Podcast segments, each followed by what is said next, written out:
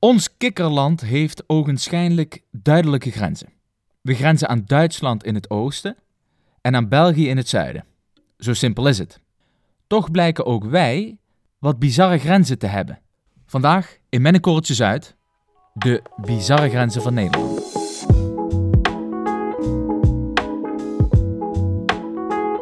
Dit is Met een Korreltje Zuid.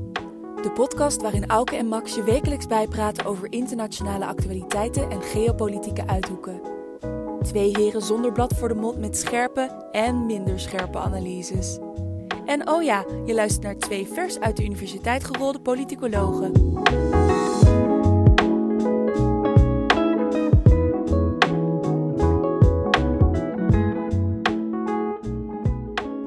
Hey, eh, vandaag gaan we het dus ehm, ja, iets luchtiger onderwerp. Hè. Vorige week was natuurlijk eh, hot topic. Voor de mensen die het gehoord hebben. Ja, dat ging natuurlijk over Israël, Palestina. Overigens wil ik nog wel even zeggen. Ja, ik schoot een klein beetje uit met, eh, met, uh, met de muziek. Wij hebben namelijk net een nieuw, ja, hoe heet dat? Gelicenseerd muziekpakket aangeschaft. En dan, ja, het is een beetje alsof je een nieuwe, nieuwe auto hebt aangeschaft. En dan ga je heel veel met die auto rijden in de eerste week. Dus ik, eh, ik schoot een beetje uit met de muziek.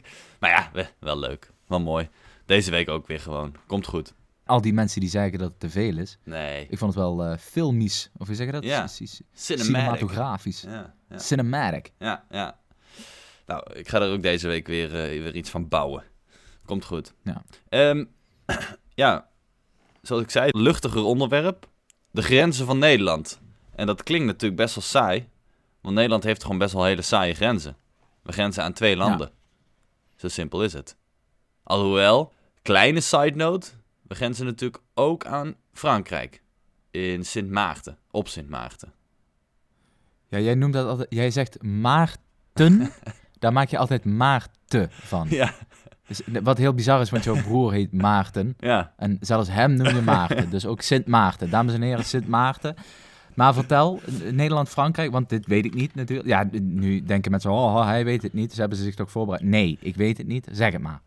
Ja, oké. Als eerste Sint Maarten. Ja, dat is Tilburgse tongval, hè. Dan, eh, dan, dan, dan schraap je die M en eraf op het einde. Ja, we hebben natuurlijk eh, het eiland Sint Maarten en eh, Frankrijk ook. En daar grenzen we aan elkaar. Dus zo ehm, heb je daar... Daar daar komen dan wel eens wat bizarre verhalen uit naar voren. Bijvoorbeeld toen... Ik geloof dat het Holleerder was. Die is in de jaren tachtig al een keer opgepakt in Frankrijk. En die moest uitgeleverd worden naar Nederland ja, voor zo'n uitleveringsverdrag, dat moest dan natuurlijk door België. Maar dat was allemaal ingewikkeld. Of België wilde daar geen toestemming voor verlenen, was te gevaarlijk. Ik weet niet. Nederland zei, of Nederland en Frankrijk zeiden, eh, goed, eh, geen gezeik, we regelen het zelf wel. Want in het Caribische deel grenzen wij aan elkaar. Toen hebben ze dus Holleerder naar Sint Maarten gevlogen. Saint-Martin eigenlijk, dus hè, het Franse deel. En daar hebben ze de grens overgezet naar Sint Maarten. En toen naar Amsterdam gevlogen. Meen je dat nou echt? Ja, ja, dat is echt gebeurd. Vraag maar aan eh, Willem. Zo, maar zijn daar geen... Ik neem het toch aan dat in die wetten dat daar nog wel een soort noodclausule Ja, is kijk, maar dit was- van, dit nou, was- Als dit, dan dat. Ja, ik weet het fijne er niet van, hè. Maar dit was de jaren tachtig volgens mij. En het was toen natuurlijk al wel een topcrimineel. Ja, het ging gewoon over het transport. En, en, en België zei gewoon, ja, eh, niet over ons grondgebied. Of in ieder geval, ja, daar gaan we wel naar kijken. Dat komt wel goed. En Nederland en Frankrijk zeiden gewoon, het moet zeg maar deze week gebeuren. Dus we gaan dat gewoon fixen. Dus ik te denken, misschien was een helikopter wel sneller geweest. Maar dat, ja goed, er zullen wel altijd allemaal haken en ogen zijn geweest... waardoor ze dat eh, op die manier hebben georganiseerd. Ja. Ehm, Oké, nou ja, dan hebben, kunnen we die al afvinken. Ja. Oh ja, dan hebben we er dus toch vier uiteindelijk. Nou ja, hebben we al meteen de intro eh, gelogen. Jij had een mooie, jij kwam met een boekje op de proppen. Ja, dat klopt. Vertel, wat was het voor boekje? Eh, dat was het boekje, het heet Morris Net. Dat is gewoon letterlijk de titel eh, van het boekje. En het boekje vond ik bij mijn oma. Ik was twee weken geleden bij mijn oma. En mijn oma komt uit Simpelveld. Mhm. Ook wel de akker der onnozelen. en dat, dus als je kijkt op de kaart Simpelveld, dat ligt, nou, dat ligt een beetje in de buurt van Kerkrade. Iets ten noorden van. Maastricht? Nee, dat is ten oosten van Maastricht. Ah, dus ah, dat ligt, eh, ja, je hebt, mm, eh, ja, de Zuid-Limburg, dat is een soort driehoek. Dat is eh, Parkstad, Sittard, Geleen en Maastricht in het westen. En daartussenin, ja goed, dat is terrein voor de elektrische fietsen en Valkenburgenaren. Ja. Maar Simpelveld, dat ligt eh, heel dicht bij Vaals. Ah, ja. Vols, zoals de mensen dat zelf noemen. En, Hoe noemen ze ehm, dat? Vols. Volge. Oké. Ja. En eh, dat is, ja, Vaals is in principe gewoon een wijk van Aken. Ik denk dat als iedereen nou eventjes gewoon googelt Vaals, en dat kennen we allemaal van het drie landenpunt, dat is gewoon een wijk van Aken. Met andere woorden, en ik heb het al verklapt, daar komen dus drie landen bij elkaar. Waren het niet Mhm. dat daar tot de Eerste Wereldoorlog, en dan hebben we het dus over, eh, nou, iets later dan de Tweede Wereldoorlog, officieel 1920, was het een vier landenpunt. Wow, Want daar grensde ook nog Morisnet aan. daar heb ik nog nooit van gehoord. Je hebt nog nooit van Morisnet gehoord. Nou, dat is top. Dan zal ik dat even uitleggen. ja. Neutraal Morisnet heette dat. Eh, omdat het neutraal was natuurlijk. Morisnet, eh, dat heeft een vrij grappige geschiedenis. Napoleon, in het begin van de 19e eeuw, die was eh, klaar met zijn campagnes. Die werden begin naar eh, Sint Helena verbannen, waarna hij maagkanker kreeg en het loodje legde. Eh, na, dus na de Napoleontische tijd werd het verdrag van Wenen opgesteld. Ja. Nou, verdrag van Wenen. Daarin moesten onder andere de grenzen tussen het koninkrijk, het net nieuw gevormde koninkrijk der Nederlanden en het Pruisische Rijk opgesteld worden. Mhm. Over min of meer alle grenzen eh, waren ze het eens. En de ambtenaren die lopen dan gewoon grenspaaltje voor grenspaaltje voorbij. En dan, eh, dan, dan wordt daar overeenstemming gevonden. Maar dat deden ze met hele dikke potloden daar in Wenen. En eh, dat is een beetje grofmazig natuurlijk. Hè. Zij weten ook niet precies waar, dat, eh, waar, waar, Vaals ligt, of waar Sittard ligt, of waar eh, Denenkamp ligt, ik noem maar iets. En wat bleek nou? Die mensen hadden in het verdrag van Wenen met hun potloodstreken net onder Vaals hun eh, streep getrokken door een zinkspaanmijn. Oké, dus toen de eh, ja, desbetreffende ambtenaren, eh, dus, dus de Nederlandse ambtenaren en de Pruisische ambtenaren, die moesten dus paaltjes gaan, eh, gaan zetten. Dit is Nederlands grondgebied, dit is Duits grondgebied, of Mhm. Pruisisch grondgebied moet ik zeggen. Die kwamen dus bij die mijn aan, waarna ze dachten van, oh, ja, dat is een zingspaanmijn. Dat was, ja, de zingspaan, dat leggen ze op daken en zo. Daar maken ze Oh ja. daken van. Sterker nog, er zijn daken van skyscrapers in Manhattan, die nog altijd het zingspaan uit Morrisnet hebben. Maar goed, Ah, even een side note. Ehm, dus ja, je kunt je voorstellen, eh, er ligt een verdrag, er zijn een paar strepen getrokken, maar ja, dat moet dan nog even gecontroleerd worden door een paar van die ambtenaren. Die staan daar, hè, eh, ik pak even het jaar 1800, eh, pak hem even bij 22. Eh, die staan tegenover elkaar en die zeggen, ja goed, eh, hier ligt een mijn, wat doen we daarmee? Nou, dan gaan we weer een brief natuurlijk naar, eh, in het Nederlandse geval Den Haag, en een Pruisische brief naar Berlijn, en dan moet er gecorrespondeerd worden, en bla bla bla bla bla. Nou, dat duurt natuurlijk eeuwen, want je had geen WhatsApp. Dat moest natuurlijk per, per postkoets of weet Ja. ik veel wat. Gedoe, gedoe, gedoe. En op een gegeven moment hebben ze, omdat, ja, ze wilden het, ja, zo'n dat- die zink wat daarin zat, dat was een hele, ehm, ja, die, dat was een hele, dat was een heel belangrijk materiaal toen in die tijd. Ja. Dus die hadden geen zin om daar, eh, om dat af te staan. Het is gewoon een Maar ze kostbare, hadden ook- gewoon een kostbare grondstof natuurlijk. Kostbare grondstof. Eh, Sterker nog, Napoleon die heeft, een, die heeft ooit een bad laten maken eh, met zink uit eh Morisnet. En dat bad, dat heeft hij, ja, dat, dat, dat, dat droeg hij overal mee op al zijn, al zijn tochten, dat hij lekker kon badderen. Nou, dat was zink uit Morisnet, maar toen Vet. bestond Morisnet natuurlijk nog niet. Toen lag alleen die, die mijn daar. Ja. Maar kijk, die, die mijn die was zo belangrijk dat ze hem niet wilden afstaan, logischerwijs. Maar dat, het was ook niet zo belangrijk dat ze daarover eh hele harde diplomatieke eh was geen wilden Het was geen hebben. oorlog waard. Het was geen oorlog waard. Nee, Nee. nee. Dus toen hebben ze eigenlijk, wat ze eigenlijk hebben afgesproken is, oké, we verdelen de grenzen zoals ze ja, in principe nu nog steeds liggen. En daar waar Morisnet ligt, daar waar die mijn ligt, dat laten we even eh, onbeslist. Hè? Even tot, tot nader eh, oordeel laten we dat liggen daar. We leggen het even in de ja, koelkast. en dat heeft, ja, en dat heeft dus 100 jaar geduurd. Oh. Ja, dus dat, dat is steeds opnieuw is daarover gesoebat tussen de Pruisische eh, ehm, diplomaten en de Nederlanders over wie daar nou recht op heeft op die mijn. Daar is heel lang dus over gesteggeld heen en weer, over wie dat, wat nou precies moet gebeuren met die eh, Mhm. met die plek. Die plek heet tegenwoordig Kelmis. Dat kun je opzoeken, Google Maps, Kelmis.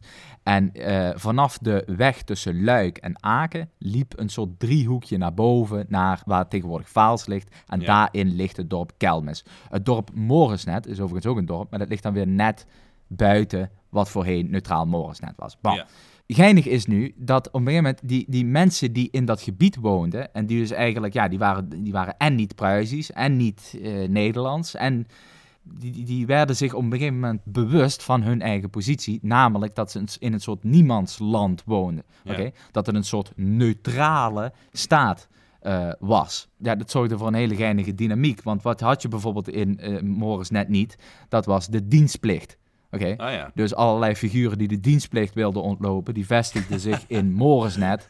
En die gingen dan werken in een café of in een mijn of in whatever. En dan konden, hoefden ze zich niet kapot te laten schieten in een of andere willekeurige oorlog. Ehm, wat, ook, wat zij ook niet hadden, was bijvoorbeeld accijnzen.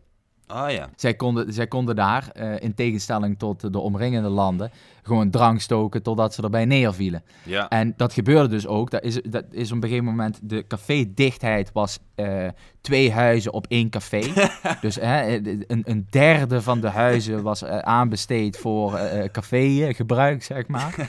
en je kunt je natuurlijk voorstellen dat dat een vrij specifieke klasse aantrekt. Hè? Dus veel drank, geen regeltjes. De tabak zal ook nog- wel goedkoop zijn.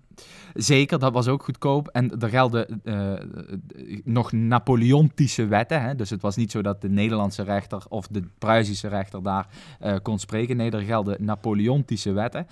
En dat betekende dus dat dat in, in een soort, ja, letterlijk in een soort vacuüm moest opereren, dat gebied. Fantastisch. Ja, goed. Ik heb een heel boekje daar dus over gelezen. Dit kan ik wel even doorgaan. Maar eh, wanneer, wa- Eh, wanneer is Morrisnet opgehouden met bestaan? Morrisnet is opgehouden met bestaan in 1920. Oké. Dus eh, je kunt je voorstellen, 1914, nou ja, uh, Moors in principe eh, een onbeduidend landje. De Pruis walst daar eh, overheen natuurlijk, hè, met, met, ja, met, met legers en tanks en weet ik veel Ja. wat allemaal. Want die moesten natuurlijk naar het front met de Fransen, Ja. Verdun, de Somme, je kent het. Mhm. De Duitsers verloren die oorlog en toen is vervolgens in het verdrag van Versailles bepaald dat dat dan eh, België wordt. En in het geval van Morisnet is dat dan eh, Wallonië, Waals-België. Dus de voertaal is daar nu eh, Frans. En dat was het ja, voorheen niet. Hè? Dus voorheen was het Duits en ze spreken daar ook een soort dialect. Dat is een heel wazig dialect. Dat lijkt dan weer een beetje op het kerkraads. Maar goed, het kerkraads is ook weer onverstaanbaar voor de gemiddelde dialectspreker. en zeker voor de Nederlander. Ben jij wel eens in Morrisnet, of ja, in het voormalig Morrisnet geweest? Dat is natuurlijk bij jou om Ja. de hoek. Ja, ja, ja, ja. Nee, zeker, zeker. Het, het is, kijk, eh, de familie van mijn oma komt uit Hendrik Capelle. Dat ligt daarnaast. Ehm, en dat is een, eh, dat, ja, de- tegenwoordig heet dat Henri Chapelle. Nou, oké, eh, Ja. kan, zo, zo gaan die dingen. En zij kwam daar geregeld. Ik kom daar ook wel eens. Ja, tuurlijk, als ik een rondje eh, ga toeren bijvoorbeeld, dan kom ik in, in het dorpje Kelmis en in het dorpje Morisnet. En ja, er is verder helemaal niks te doen hoor. Het is gewoon een slapend dorpje onder de rook van Aken. Maar het ligt daar wel en het heeft die geschiedenis. Fantastisch. Ehm, maar, zoals ik zeg, dat trok natuurlijk een bepaald volk aan. Het werd natuurlijk een beetje een bandietenstaat natuurlijk. Ja. Want je had, eh, op een gegeven moment bouwden ze ook een casino. Ik wou net zeggen. want je, ja. je had geen, je had geen gokreglementen. dus er, zelfs, er is zelfs ooit een Rus is verhuisd naar Kelmis, om daar, omdat hij daar kon gokken. en eh, in die tijd had je dus in Groot-Brittannië... Nou ja, goed, waren er allemaal reglementen opgekomen voor, voor gokken en voor bepaalde goksyndicaten. En dat mocht allemaal niet en bla bla bla. Ja. En toen ontstond er een soort handeltje in het vervoeren van bets. Hè, dus in Groot-Brittannië schreef iemand een bet uit. Die vervoerde ja, ze vervolgens naar een weddenschap. Ja. Eh, nou ja, een, een, een weddenschap. Kijk, eh, ja, noem je dat ook een weddenschap? Als je op iets gokt. Ja, dus, ja, ik, ik ken, ken die terminologie allemaal niet. Maar stel even, ik gok op eh, die en die roulette stand. ja. Nou, dan brachten ze vervolgens met de boot en met de koets die, die bed, of met de trein moet ik zeggen, brachten ze die bed naar Kelmis, naar Morisnet, een neutraal gebied. Dan werd dat gegokt en vervolgens werd de uitslag dan wel positief en natuurlijk in de meeste gevallen negatief weer teruggebracht naar Engeland. En zo kon er dus alsnog eh weeldig gegokt worden, ook vanuit Engeland. Nou, dat soort dingen ontstonden daar dus. Allemaal omdat de Pruisen en de Nederlanders dus niet eens werden over hè, wie daar nou de baas is, wat voor wetten daar moeten gelden, uh, et cetera, et cetera. Vanwege één, één ja, in, in principe onbeduidende zinkmijn. Ja, precies. Een zinkspaan. Nou ja, onbeduidend, dat was, dat was natuurlijk wel wat in die tijd. Ja, oké. Nou, er lag, geen, er lag geen wereldstad, zeg maar. Het was, het is, nee, er lag geen wereldstad. Nee, precies. Dus het, inderdaad, het ging niet om het gebied, het ging zuiver en alleen om, om die mijn. En uh, wat ook heel uh, weeldig floreerde was uh, smokkelen. Oh ja. Dus je had, ehm, nou ja, dat is misschien handig als, je dat, als de mensen dat googelen. Er gaat een, loopt een weg van Luik naar Aken, waar langs Morisnet eigenlijk ligt. En vroeger kwamen dan goederen binnen via Antwerpen bijvoorbeeld. Mm -hmm. En die, die waren dan, nou dan moest je natuurlijk in Nederland moest je, invoerrechten betalen. En als je die dan vervolgens naar Duitsland bracht, dan kreeg je uh, ja, van de Nederlandse overheid je invoerrechten terug. Hè? Zo werkt het, want dan werden ze uiteindelijk niet ingevoerd in Nederland. Nou, wat ja. deden ze? Ze reden van Antwerpen richting Aken, Duitsland, mm -hmm. langs Morisnet. Mm -hmm. Dan kregen ze op de grens van Morisnet, als ze, dus hè, de, de Nederlands-Morisnetische grens, zeg maar even, kregen ze Ja. hun uh, invoergelden terug. Dan reden ze vervolgens niet Duitsland in, maar ze staken linksaf het dorp, het neutrale gebied Morisnet in. en via bospaden, et cetera, via uh, de Vaalserberg, uh, smokkelden ze dat weer terug Nederland in. Oh. Dus wat, hè, Ja. waar het in principe op neerkomt, is je voert dingen in in Nederland zonder dat je daar invoerrechten over betaalt. En dat scheelt een slok op een borrel, Ja. want dat gaat natuurlijk over eh, eh, een tigpercentage. ja, mooi. Wat trouwens ook heel geinig is, is dat het op een gegeven moment uitgeroepen is tot de Esperanto-hoofdstad ter wereld. Want op een gegeven moment die Moorsnetters dachten van, ja, wat zijn we nou eigenlijk? Zijn we nou België, prijzen, whatever? En nou, dat was een gerenommeerd clubje mensen die dachten, ja, dit moet een neutrale staat worden. Mhm. En een, een, een autonome staat, nou ja, goed, die heeft ook een taal. Tenminste, dat was, de geda- dat was toen helemaal hip, hè? Eigen, eigen volk, eigen taal, eigen munt, eigen postzegel Ja. eigen, noem het maar op. En toen hebben ze dus eh, stevig gelobbyd om van Morisnet een soort Esperanto Oh ja. ja, bolwerk te maken. En dat is het uiteindelijk ook eh, geworden. Op de World Conference in Dresden is, eh, is eh, Morisnet uiteindelijk uitgeroepen tot, eh, ja, tot, tot de bakermat voor het Esperanto. Er is overigens ook Esperanto onderwezen aan kinderen, aan mensen. Dat is dus die taal die ooit bedacht is om een soort algemene wereldtaal te worden. Dus Precies, die, en die is- ja. lijkt heel erg op Romaanse talen, maar dan alle grammatica-regels super versimpeld. Ja, precies. Een, een, een soort, eh, ja, hoe noem je dat ook alweer? Een maaktaal of een... eh, Ja, het is gewoon een fa- gefabriceerde taal. Ja, ik weet niet, is daar een term voor? Er zal een term voor. Ja, daar is, daar is een term voor, maar die, die mogen de mensen in onze DM eh, sliden. Ja. ja, volg ons op Instagram en stuur ons een bericht. Ja, dus dat, Morisnet. Is overigens het bezoeken niet waard hoor. Het is gewoon een slapend dorp in, in Wallonië tegenwoordig. En er wordt vooral, volgens mij vooral heel veel geslapen en heel veel gezopen.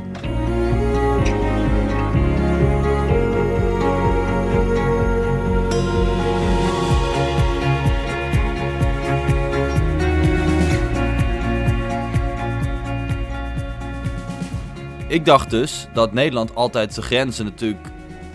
eh, Zeg maar nu, anno nu, zijn de grenzen van Nederland toch wel goed afgebakend. Dat is natuurlijk allemaal ehm, al lang, lang en breed geregeld met allerlei advocaten en notarissen en gewoon überhaupt de grondwetten van landen. Maar nu blijkt dat er toch nog ergens in Nederland een klein probleempje zit. En dat is eh, bij Koevoorde. Dat is Drenthe. Ik ga dat even googelen. Koevoorden ook trouwens. hè? ja Koevoorde. Drenthe. Drenthe. Daar, ehm, daar is ooit een probleem ontstaan. Namelijk de grens tussen Nederland en Duitsland daar. Die is voor het grootste deel natuurlijk gewoon afgebakend. Maar ooit is daar een fout gemaakt door een Duitse notaris. Dat was ook nog ten tijde van eh, dat het, Pruisische Rijk was. En toen moest een notaris in Duitsland en een notaris in Nederland... moesten die grenspalen gaan vaststellen. Nou, daar heeft een Duitser een foutje gemaakt. En tussen grenspaal 142 en 144 zijn nog steeds te bezoeken in Koevoorde, als je daar bent. ehm, heeft, ja, is er dus een foutje gemaakt en heeft de Duitser eigenlijk zijn eigen land eh, iets, iets benadeeld. Zodoende is er, en dat is meteen ook wel weer heel uniek in de rest van de wereld, is er een kleine strook land ontstaan, wat niemand, niemandsland is. Dus het wordt niet door Duitsland geclaimd en niet door Nederland. Het is van niemand. Eh, terwijl je ziet vaak in de wereld grensconflicten, dat gaat dan over dat twee landen hetzelfde stuk claimen. En daar wordt dan over gesteggeld of gevochten of oorlog gevoerd. In dit geval is dat eigenlijk allebei de landen, Nederland en Duitsland, zeggen: ja, dat, dat is niet van ons, dat is van jou. Ah. Dat hoef ik niet. Dat hoef ik niet. Nou, daar is iemand op ingesprongen, natuurlijk. Ehm, en, dat is, ehm, en dat is Gerard Beukenveld. Die heeft namelijk, die heeft namelijk dat stuk... Gerald Beukenveld. Eh, die heeft dat stuk land, dat is namelijk gewoon een, een veld en een sloot. Het gaat echt om eh, eh, een, een, een strook land, even ter, ter verbeelding. Een strook land van 500 meter bij 6 meter. Nou, 3000 vierkante meter. Dat is op zich nog best wel een leuk, een leuk veld. Het is, het, het is dus een veld, een beetje een sloot. En Gerard Beukenveld heeft dat ooit ge- gekocht. En heeft gezegd, luister jongens, ik heb hier een eigen land. Ik, ik kan hier een eigen land stichten. Want het is niet van Nederland, het is niet van Duitsland. Maar van wie heeft hij dat dan gekocht? Nou, het was ooit van een Duitse familie. Dat veld, het was gewoon een boerenveld. Het, is, het ligt aan de rand van Koevoorde. En hij heeft het gewoon gekocht van die Duitse familie. En ja, eh, weet je, die Duitse familie wist dat ook. Hij, hij is daar ooit ingedoken. Dat ging echt om eh grenstraktaten, heet dat, uit de 19e eeuw. En daar is Gerard ingedoken. En die kwam erachter, hé, hey, volgens mij heb ik hier een goudmijntje. Kocht Ja. dat land van die, van die Duitse familie en zei tegen... En die schreef vervolgens een brief naar de Nederlandse overheid en de Duitse overheid van... Jongens, gefeliciteerd, jullie hebben er een nieuw bu- buurland bij. Ik noem, het, ik noem mijn, mijn, mijn lab grond Eurostaten. Dus hij heeft het land Eurostaten uitgeroepen. nou ja, je kan je voorstellen dat dat bij het ministerie van Binnenlandse Zaken in, in Den Haag natuurlijk linea recta de prullenbak inging. Die keken daar Ja. niet naar. Ehm, Heeft de stagiaire zich nog even over gebogen en vervolgens werd dat eh, afge- afgeschreven. Dat zal, eh, dat zal wel voor de nodige hilariteit op de vrijdagmiddagborrel hebben gezorgd. Maar niemand is daar serieus op ingegaan. Gerard zelf, die ging er vrij serieus op in. Eh, ik, kan, ik kan echt alle luisteraars aanbevelen, ga naar de website eurostaten.eu. Want die man heeft, het is een vrij ouderwetse website. Volgens mij is hij de laatste tien jaar niet meer zo heel actief. Maar die website is tot 2010 wel redelijk actief bijgehouden. En echt tot in detail. Er zijn honderden foto's van grenspalen en, hoe, en oude, eh, oude documenten en weet ik het wat. Waarmee die bewijst van jongens, ehm, dit lapje grond wat ik hier heb is echt waar niemands land. En ik kan het uitroepen tot mijn eigen land. Nou ja, Ja. Wat kan was- die natuurlijk ook, hè? Of niet? ja, nou, hij heeft het, hij heeft het op. geprobeerd. Hij heeft het geprobeerd. Ehm, ja, Balkenende, die wou... oh, sorry, dit, dit moet ik even bijzeggen. Hij, hij stuurde eh, dus brieven in 2008. Heeft hij, in 2009 heeft hij brieven naar destijds premier Balkenende gestuurd. Die ging daar niet heel serieus op in. En op een gegeven moment heeft zelfs de Nederlandse overheid... eh, die had plannen om eh, daar, en dat is er ook uiteindelijk van gekomen... een weg over dat lapje grond te bouwen. En, en, een, en een soort van bedrijventerrein. Dus er werden allemaal, dus de Nederlandse overheid, of de, ja, de gemeente Koevoorde, die ging allemaal grondboringen verrichten en bla bla bla. Toen heeft meneer Gerard, Gerard, die heeft een dreigbrief naar premier Balkenende gestuurd. Hij heeft gezegd, luister Balkenende, jij als bevriend staatshoofd en ik als ander staatshoofd, of regeringsleider, whatever. Ehm, ja, allemaal leuk en aardig, maar je snapt natuurlijk dat als jij op mijn grondgebied allemaal eh, boringen gaat verrichten, eh, dan ben ik genoodzaakt om de hele boel te laten ontploffen en te exploderen. Ja, Ja, snap ik. daar dat ging het ministerie van Binnenlandse Zaken iets serieuzer op in. En als Mhm. gevolg daarvan is Gerard toen gearresteerd. En eh, nou ja, die heeft een paar nachten in de cel doorgebracht. Ja, In het buitenland dan. voor hem in het buitenland, in Nederland, ja. ja, Heftig. Dus eh, dan pakken ze je gewoon op, halen ze je uit je eigen land ja, en zetten ze je gewoon in het buitenland in de bak. ja, ja. Dus hij heeft, eh, hij heeft vastgezeten.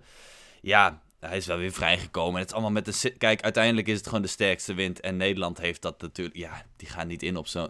Kijk, het, het- die Gerard Beu, Beu- eh, hoe heet die? Beukenveld is natuurlijk een beetje een soort eh, mix tussen een wappie en ook wel een hele grappige nerd. Want hij heeft dit, dit hele, ja, dit bizarre feitje ontdekt en is er Ja. heel diep op ingedoken. Een soort mix tussen een wappie en een mennekoortje zuidluisteraar. Ja. Of eigenlijk gewoon een met een goaltje Zuid-luisteraar. Dat zijn over het algemeen ook wel eh, redelijk geschift, Ja, redelijk geschift volk hoor. de laatste plannen van Gerard die ik heb kunnen lezen is dat hij het plan heeft om eh, eurostaten natuurlijk uit te roepen. Hij heeft de munt geslagen, postzegels, weet ik het wat. eh, om daar een casino op te, te bouwen. En hij wil winst maken uit de, de olie- en gasvoorraden die al dan niet onder dat lapje grond zouden moeten liggen. Ik zie het somber in voor de heer eh, Beukenveld. Ja, ik denk, ik denk ook dat het niet heel veel eh, meer van terecht komt. Maar het kan eh, nog steeds bezocht worden. Het is bij, eh bij Koevoorde, aan de Duitse grens.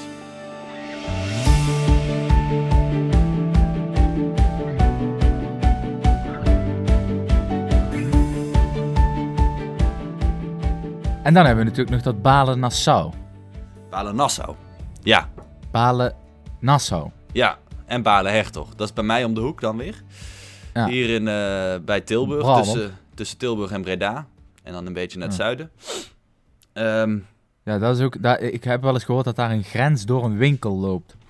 ja, wacht even. Dus als je, je haalt iets uit de schappen, je bent in Nederland en je rekent het af in België, zeg maar. Zeker. Bij van spreken. Ja, zeker. Ik ging daar dus... Nou, even, even ter, ter verduidelijking.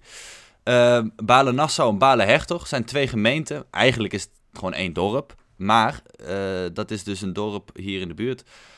Ehm, als je op de kaart kijkt van Nederland en je zoomt daar een beetje op in... dan zie je dat daar een soort lappendeken van allemaal stukjes België in Nederland ligt. Eh, dus allemaal enclaves en exclaves eh, van België in Nederland... en ook weer van Nederland dan weer in België. Het is heel ingewikkeld. En dat dorp is dus ja, is een lappendeken. En de, ja, het is, een heel grappig dorp om te, te bezoeken. Want daar hebben ze mooi aangegeven op de straat met allemaal eh, kruisen. Zie je gewoon zo de, eigenlijk een soort stippellijn door de straat lopen. En eh, ja, wij, ik ging daar dus vroeger altijd heen om dan bijvoorbeeld eh, Belgisch vuurwerk te halen. Dat was wel een ding hier. Dan ging je naar Balen-Nas, naar Balen-Hertog is de Bel- Belgische variant. Dus als je dan in, de, in december in dat dorp kwam, dan zaten al die vuurwerkwinkels precies in het Belgische deel. Ehm, Maar dat is dan dus ook echt België. ja, ja, dat is, dat is Met heel de bizar. Belgische wet en de Belgische eh, Ja. regelgeving. En Ja. spreken daar misschien ook gewoon Belgisch, ja, nou nee, als in Vlaams. ja, dat is dus echt zo. Dat vond, dat, ja, dat is heel Meen bizar. je dat nou? Ja, dat meen ik echt. Dat is heel raar. Dus als je de straat oversteekt, dan is het, hey, uh, het, eh, je gaat goed. En dan, dan steek je de straat over en, hey, oh, oké, komt je vuurwerk halen? Ja, ja nee, maar nee, echt. dat kan ik me niet voorstellen. Nee, dat is echt waar. Het is, kijk, het- jij dikt de Brabantse en de Vlaamse accenten aan. Eh, dus misschien, kijk, in dat deel van Brabant spreken ze natuurlijk al wel... De accenten liggen wel wat dichter tegen elkaar aan. Maar het is echt zo dat je daar eh, het Vlaams kan horen. En inderdaad, eh, drie deuren verder hoor je het Brabants. Dat is echt waar. Dat is heel vet. Dus ik kan het echt, echt aanraden om het te bezoeken. Ehm, en het, ja, het is, het is, het is, ja, kijk even op een kaart, beste luisteraar, want het is, het is heel raar. Het loopt, die, die, die, die grenzen lopen lijnrecht door huizen, door winkelpanden, door, door, door eh, boerderijvelden. En wat is daar de ontstaansgeschiedenis van, van dat, van dat dingetje? Ja, die loopt al heel ver terug. Ik heb, eh, het even, ik heb het opgezocht. Dat, dat loopt echt al terug van, tot de 12e eeuw. En werd er land tussen hertogen hier in dit gebied uitgewisseld. Dus, dus de hertog van, eh, ja, wat was dat? Ik zou het trouwens niet eens weten. Ik ga het niet eens eh, proberen te benoemen. Er waren hertogen in de 12e eeuw en die wisselden om elkaar wat favors te doen, wisselden wat land uit. Nou ja, en dat was een vrij nietszeggend gebied natuurlijk destijds. Kan je je voorstellen.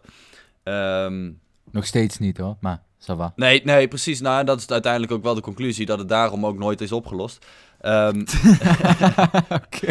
Want kijk, bijvoorbeeld, in, eh, ik heb een paar eh, punten uit hun geschiedenis. In 1815, nou, eh, toen, was er weer, toen was natuurlijk België onderdeel van Nederland. Toen waren het de, de twee provincies, Brabant en, aan, de, aan de ene kant en wat was de Vlaamse provincie? Dus ook Bra- ja, dus Brabant ook, denk ik. Hè? Dus Noord-Brabant en Brabant. Die hadden ruzie.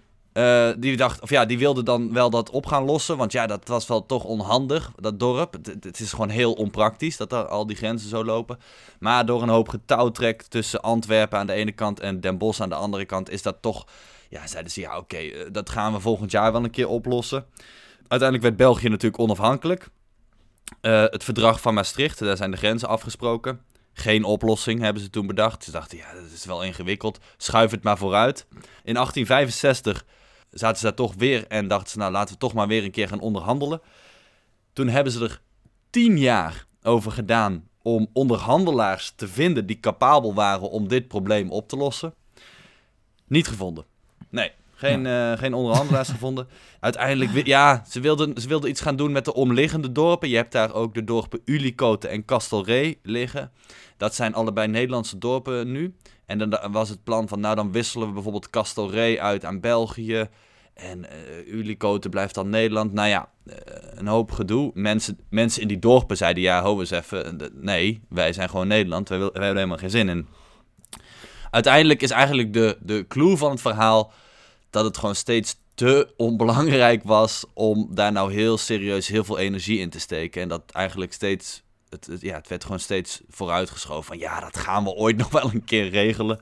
Maar, Beetje zoals in Israël en zo. Ja, ja misschien dat, de, dat de, de gevolgen hier wat minder zijn. Uiteindelijk zijn het in 1995 officieel rijksgrenzen geworden. En um, nou ja, natuurlijk toen we, nou ja, sowieso al eerder, Benelux, Europese Unie. kijk, er staan geen grenswachten daar, nu. Daar zijn overigens wel uh, wat mooie anekdotes van te vinden van hoe dat vroeger ging. Tijdens de Eerste Wereldoorlog, Nederland was natuurlijk neutraal, België niet. Ja, waren er een aantal voorbeelden van toch wel ja, grappige anekdotes. Zo was er de, de jongen Nijs, heette hij. En Nijs die liep op een dag met uh, een kruiwagen steenkolen over, uh, ja, door, door, het, door, door het dorp. En hij werd aangehouden door de Nederlandse politie. Die wilde hem uh, controleren en die wilde hem aanhouden. Ik weet niet waarom. Nijs zei, uh, nee, ik sta hier in België. Ik sta hier op Belgisch grondgebied. Ja, zei die politie, nee, nee dit is Nederland. Het, geen, geen gemekker, jij wordt aangehouden en jij mag die steenkolen inleveren. Nijs, die, Nijs die ging demonstratief op zijn kruiwagen zitten... En zei, nou, haal er maar een paar ambtenaren bij. Ik sta hier echt in België. Zo gezegd, zo gedaan. Ze hebben er een aantal ambtenaren met, met kadasterkaarten bijgehaald. En wat bleek, Nijs had gelijk. Hij stond 40 centimeter over de grens in België. en zodoende mocht Nijs na een paar uur zijn weg vervolgen. En uh, kon hij weer door met zijn kruiwagen. Ja, um, ja top. Ja, ook dat kan trouwens tegenwoordig niet meer, hè? want in een hot pursuit, als je dus uh, echt als zeg maar de Nederlandse politie, uh, als je het land uitvlucht terwijl de Nederlandse politie achter je aan zit, dan rijden ze gewoon over de grens met je mee. Hè? Ja, klopt. Het is ook 40 centimeter als het moet. Ja, nou in de Eerste Wereldoorlog was dat toch wat anders. Wel mooi. Zo, zo was er ook het verhaal van een Duitse spion. Die werd in een huis, dat, en het huis stond op Belgisch grondgebied, werd hij uh, ja, ontdekt en uh, gearresteerd. En um, het, het, het, verhaal is, ja, ze wilden hem natuurlijk wel uh, gevangen zetten. Dan moest hij natuurlijk naar een gevangenis in, ja, in België. Je kan niet vanuit Balen-Hertog naar Groot-België zonder dat je door Nederland gaat. Ja, en ze hadden, ja, de Belgische autoriteiten voelden allemaal al problemen aankomen met Nederland. En dan moest je dus zo'n gevangene gaan ja, door Nederlands grondgebied gaan vervoeren. Dat was allemaal veel gedoe. Wat hebben ze toen gedaan? Ze hebben die Duitse spion, hebben ze uh, vanaf het, uh, het gemeentehuis in, in Balen-Hertog hebben ze hem vrijgelaten. Ja, en die jongen die moest toen uh, de grens oversteken. Die stapte dus de straat over, stapt Nederlands grondgebied in. In Nederland werd hij toen gearresteerd. dus gewoon letterlijk aan de overkant van de straat stonden twee agenten op om te wachten. Die hebben hem toen gearresteerd en die hebben hem vervolgens weer bij de Belgische grens verder naar het zuiden afgeleverd. Ja, fantastisch. Het doet me trouwens een beetje denken aan Morris net. Ook zo'n soort, ja, van laat maar zitten. Het is wel, ja, we willen het wel beslissen, maar we willen het ook weer niet zo erg beslissen. Weet je, laat maar zitten. Het is toch een, een slapend dorp. Ja, ja, uiteindelijk is dat ook de... Maar het, mooie is natuurlijk Balen-Nassau, Balen-Hertog. Dat bestaat nog steeds. Dat is nog steeds een, uh, ja, een, een dorp met, met grenzen. En uh, ja. ik heb me laten vertellen dat, uh, want er zijn dus een aantal huizen waar de grens letterlijk door het huis loopt. Dus dan kun je je slaapkamer in België hebben en je keuken in Nederland. Mm -hmm. uh, hoe werkt dat nou? De voordeur, zeg maar. Dus als jouw voordeur in België staat, dan betaal jij Belgische belastingen. En staat jouw huis officieel in België. En wat nou als je voordeur op de grens staat? Ja, dat is een goeie. Er is, er is één huis waar de voordeur letterlijk op de grens staat. Dat meen je niet. Dat meen ik, ja. ja, ja. Er is één huis waar de voordeur op de grens staat. En ik heb het antwoord niet. Ik zou het, ik zou het oprecht niet weten. Maar het is misschien wel leuk om eh, een keer Die- op ja, bezoek moeten te we die gaan. mensen even bellen. Misschien een keer aankloppen, vragen van hoe zit dit? Ja, er is één huis waar, waar, waar- ja, waar letterlijk de voordeur in twee gesplitst is. Het zou geinig zijn als dan, als, dat bijvoorbeeld de man des huizes, dat hij dan vol Brabants praat en de vrouw des huizes vol Vlaams. Ja, ja. Of een soort hele bizarre mix. Nou, ik vond het, eh, ik vond het een topverhaal. Dank Ja. je, Alke. Nou, Max, als jij anders gewoon een keer hier naar mij komt, dan rijden wij naar Balen-Nassau en Balen-Hertog. Kloppen we aan bij die mensen. En wat me dan ook wel een mooi plan lijkt, is dat we daar een, eh, een flesje wijn gaan drinken. En dat kan natuurlijk mooi met de wijnen van de sponsor van deze podcast. Hey. Hey. Koenoloog, die, eh, d- die stelt iedere maand een box wijnen samen, zes wijnen. En met kortingscode Korreltjes uit krijg je ook nog eens 7,5 euro korting op die box. Dat zijn fantastische wijnen. Wij hebben er een aantal mogen proeven. En het zijn echt topwijnen, dat kan ik je, ja, kan ik je verzekeren. Dus kijk even op koenoloog.nl en dat is met een eh, C van Calabrië. En eh, ja, koenoloog.nl. Yes. Dames en heren, jongens en meisjes, bedankt voor het luisteren.